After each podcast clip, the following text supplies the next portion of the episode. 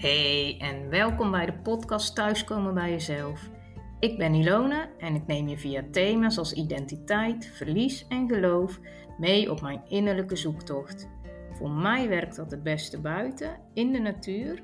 Dus ik nodig je uit om de natuur op te zoeken en je al luisterend te laten inspireren om samen met mij de weg naar je hart te bewandelen en uiteindelijk thuis te komen bij jezelf.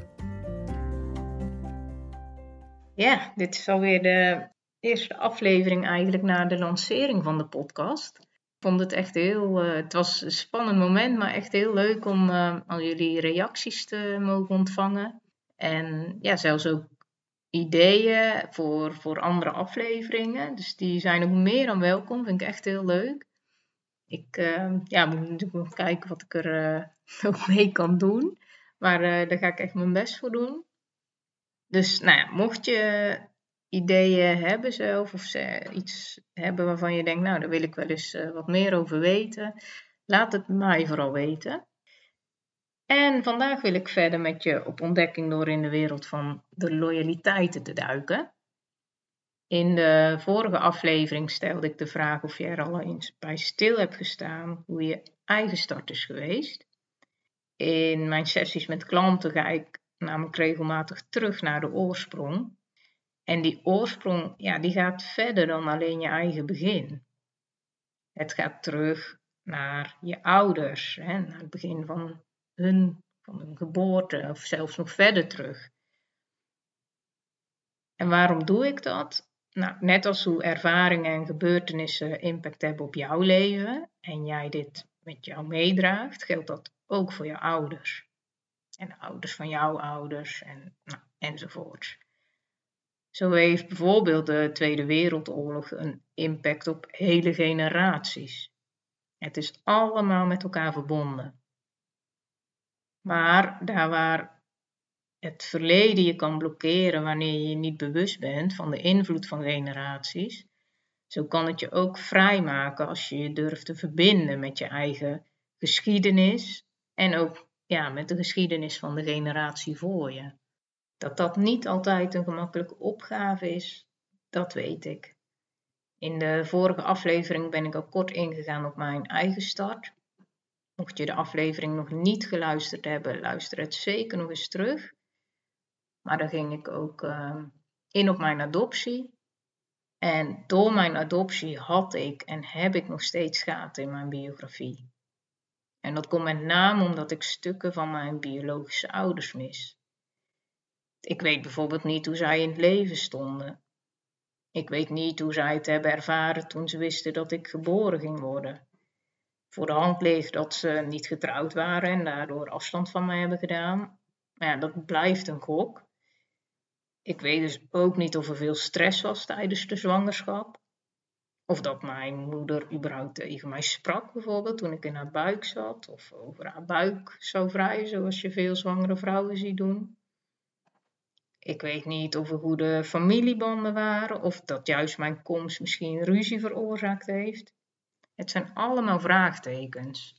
Denk je misschien, ja, wat heeft dat nou eigenlijk voor nut om dat allemaal te weten? En je leeft toch nu en uh, je bouwt nu toch je leven op. Dat is ook een logische gedachte. En het zou ook echt heel makkelijk zijn als het zo zou werken.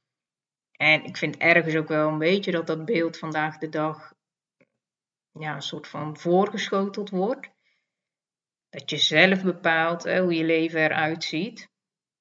En toch wordt er door deze gedachte echt tekort gedaan aan de invloed die generaties hebben op ons leven.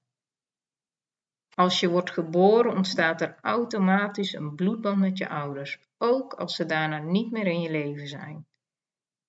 Je ouders hebben je het leven gegeven, dat is een feit.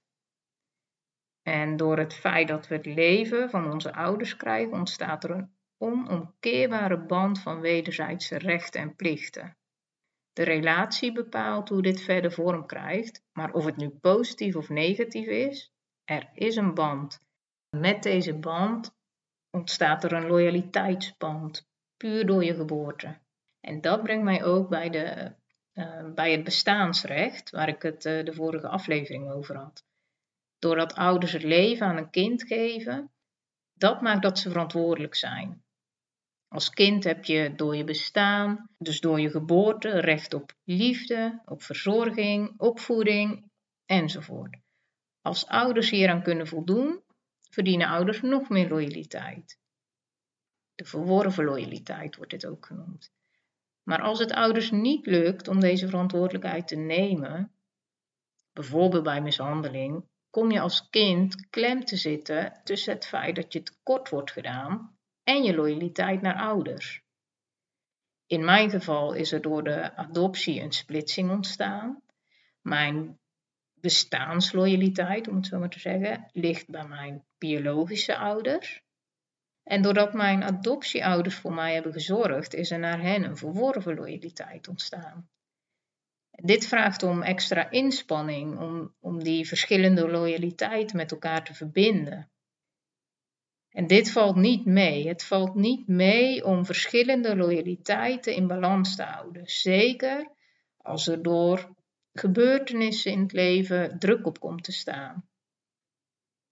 En doordat ik de balans ja, even kwijt was, raakte ik eigenlijk uit de verbinding met mezelf. Inzicht in je eigen geschiedenis en de geschiedenis van generaties helpen om weer thuis te komen bij jezelf. Je leert jezelf zien en kennen in het licht van je geschiedenis. Je gedragingen, je overtuigingen, je pijnpunten. Als je inzicht hebt in de geschiedenis van de generatie voor je, geeft dat ruimte voor erkenning, voor de situatie van de ander, maar ook, ja, bovenal die van jezelf. En erkenning betekent echt niet dat alles wordt weggepoetst. Wel dat er met andere ogen naar kan worden gekeken. Ik merkte bijvoorbeeld dat het gat in mijn biografie mij parten speelde toen er een paar jaar terug veel misstanden naar buiten kwamen rondom adoptie. Ik wist al eerder dat er veel is misgegaan. baby's die verkocht werden, baby's die bij hun moeder weg werden gehaald zonder dat moeders dit wisten. Waardoor het mij nu raakte, dat kwam echt doordat de organisatie die voor mijn adoptie verantwoordelijk was, ook betrokken bleek te zijn bij de misstanden. Toen ik dit hoorde, ja, toen stortte eigenlijk toch mijn wereld wel een beetje in elkaar ja, ik kan nog steeds niet goed uitleggen hoe het voelde. Ik had uh, even de rust gevoeld nadat we in Sri Lanka waren geweest, zoals ik in de vorige aflevering vertelde. Ineens viel alles weer in elkaar. Ineens merkte ik hoe dun het lijntje naar mijn uh, herkomst is en hoe wankel daarmee ook mijn basis. Echt alsof de grond onder mijn voeten verdween en ik heel diep naar beneden viel de foto van de vrouw in, ja, in de kamer, dus van mijn moeder, van mijn biologische moeder. Ja, dat kon nou ineens zomaar een vreemde zijn. En het rotsvaste gevoel van mijn bestaan, dat was gewoon weg. Alle puzzelstukjes die ik door de jaren heen in elkaar had geschoven, ja, die vielen weer uit elkaar. Ja, en wat dan? Dan is er verbinding nodig. Gesprek in dit geval. Gesprek met iemand die de puzzelstukjes heeft die ik niet heb. In mijn geval um, ja, was dat met mijn adoptiemoeder. Mijn adoptiemoeder waar ik ja, mee kon lezen en schrijven. Maar nu kreeg ik geen gehoor. Ik kreeg geen gehoor omdat mijn, um, ja, mijn adoptiemoeder mijn twijfels niet kon delen. Ze was er zo van overtuigd dat het bij ons allemaal goed was. Ja, dat er in eerste instantie geen ruimte was voor, voor mijn verdriet, voor mijn twijfels. Er was geen ruimte voor erkenning. En toen viel er een gevoel van, ja, echt wel verlatenheid over me heen. Ik probeerde dit eens aan iemand uit te leggen en ja, toen wist ik al dat het eigenlijk niet mogelijk, uh, dat het niet mogelijk was. Het werd toen met, ja, met goede bedoelingen ook wel uitgelegd als een soort van eenzaamheid. Ehm, maar ja, goed, soms doen woorden ook gewoon tekort aan wat er in je binnenste gebeurt. En in mijn binnenste was het gewoon één grote chaos, alsof ik uh, ja, werd werd meegesleurd in een oceaan. en uh, ja, dat de, de, de golven me echt overspoelden. Want niet alleen mijn ja, bloedband met mijn uh, adoptieouders liep een deuk op, maar ook de verworven loyaliteiten die waren opgebouwd met mijn adoptieouders. Ja, en wat helpt dan nog om niet in een oceaan van chaos te verdrinken? Ja, voor mij was dat in eerste instantie uh, echt stille tijd nemen. Ik ging heel veel en in gebed en uh, ja, voor mij Bijbel lezen en uh, ik, ging heel veel wandelen, weer om de rust terug te krijgen. En ook door, ja, door dat gebed kon ik ook echt mijn, mijn blik omhoog blijven richten. In plaats van dat ik echt naar beneden af ging glijden. En uiteindelijk leidde dit naar een uh, tweede gesprek met mijn adoptiemoeder. En ja, een gesprek waarin ineens uh, ruimte was voor erkenning. Erkenning voor mijn gevoel. En het werd gezien en het mocht er zijn. Er werd ook geen oordeel aangehangen. Het hoefde niet uh, waar of niet waar te zijn. Ik kreeg puzzelstukjes die ik nodig had om de puzzel weer heel te krijgen. Puzzelstukjes over zichtbare en voelbare emotie. Liefde van moeder op moeder. Emotie die ik zelf niet gezien had en die ik dus ook ja, echt van ooggetuigen moest krijgen. Zo vertelde mijn adoptiemoeder dat zij echt geen moment heeft getwijfeld omdat zij mijn moeder zag. Mijn moeder met zoveel verdriet toen ze mij afstond. En ja, zoals voor mij geen woorden uh, recht doen aan die verlatenheid die, ik, uh, die je kunt voelen, kunnen woorden ook geen recht doen aan wat er in die korte tijd van af, overdragen heeft afgespeeld. Emoties van ja, verdriet, hoop, geluk, ja, alles door elkaar en, en voor iedereen zo anders. Maar die woorden had ik juist nodig om mijn basis weer te herstellen. Om grond onder mijn voeten te voelen.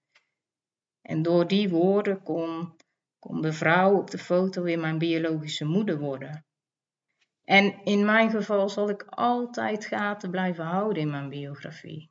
Toch wil ik je echt meegeven dat dit niet hoeft te betekenen dat je er geen invloed op hebt. Als ik naar mezelf kijk, is het vooral een uitdaging om mijn verschillende oude partijen een juiste plek te geven. Misschien heb jij wel heel goed contact met je ouders, of heb je al heel vroeg afscheid moeten nemen. Het is voor niemand hetzelfde. Wat wel voor iedereen hetzelfde is, is dat hoe de situatie ook is met deze generatie voor ons, ze hebben invloed op ons en ook op de generatie die volgt. En wij hebben zelf de keuze of we die invloed positief of negatief laten zijn, bevrijdend of beklemmend. Als jij het idee hebt dat de geschiedenis jou beklemt, als er iets is wat jou tegenhoudt om in vrijheid te leven, neem dan vooral contact met me op. Je kunt uh, me mailen uh, via info.issue.nl of je kunt me een privébericht sturen op Instagram, Ilona Zonneveld. Dan neem ik contact met je op en dan kijken we wat jij nodig hebt. Daarmee zijn we ook gelijk aan het einde gekomen van deze aflevering. In de volgende aflevering zal het gaan over de invloed van generaties op de balans van geven en nemen. Ik hoop natuurlijk dat je er weer bij bent en voor nu heel erg bedankt voor het luisteren.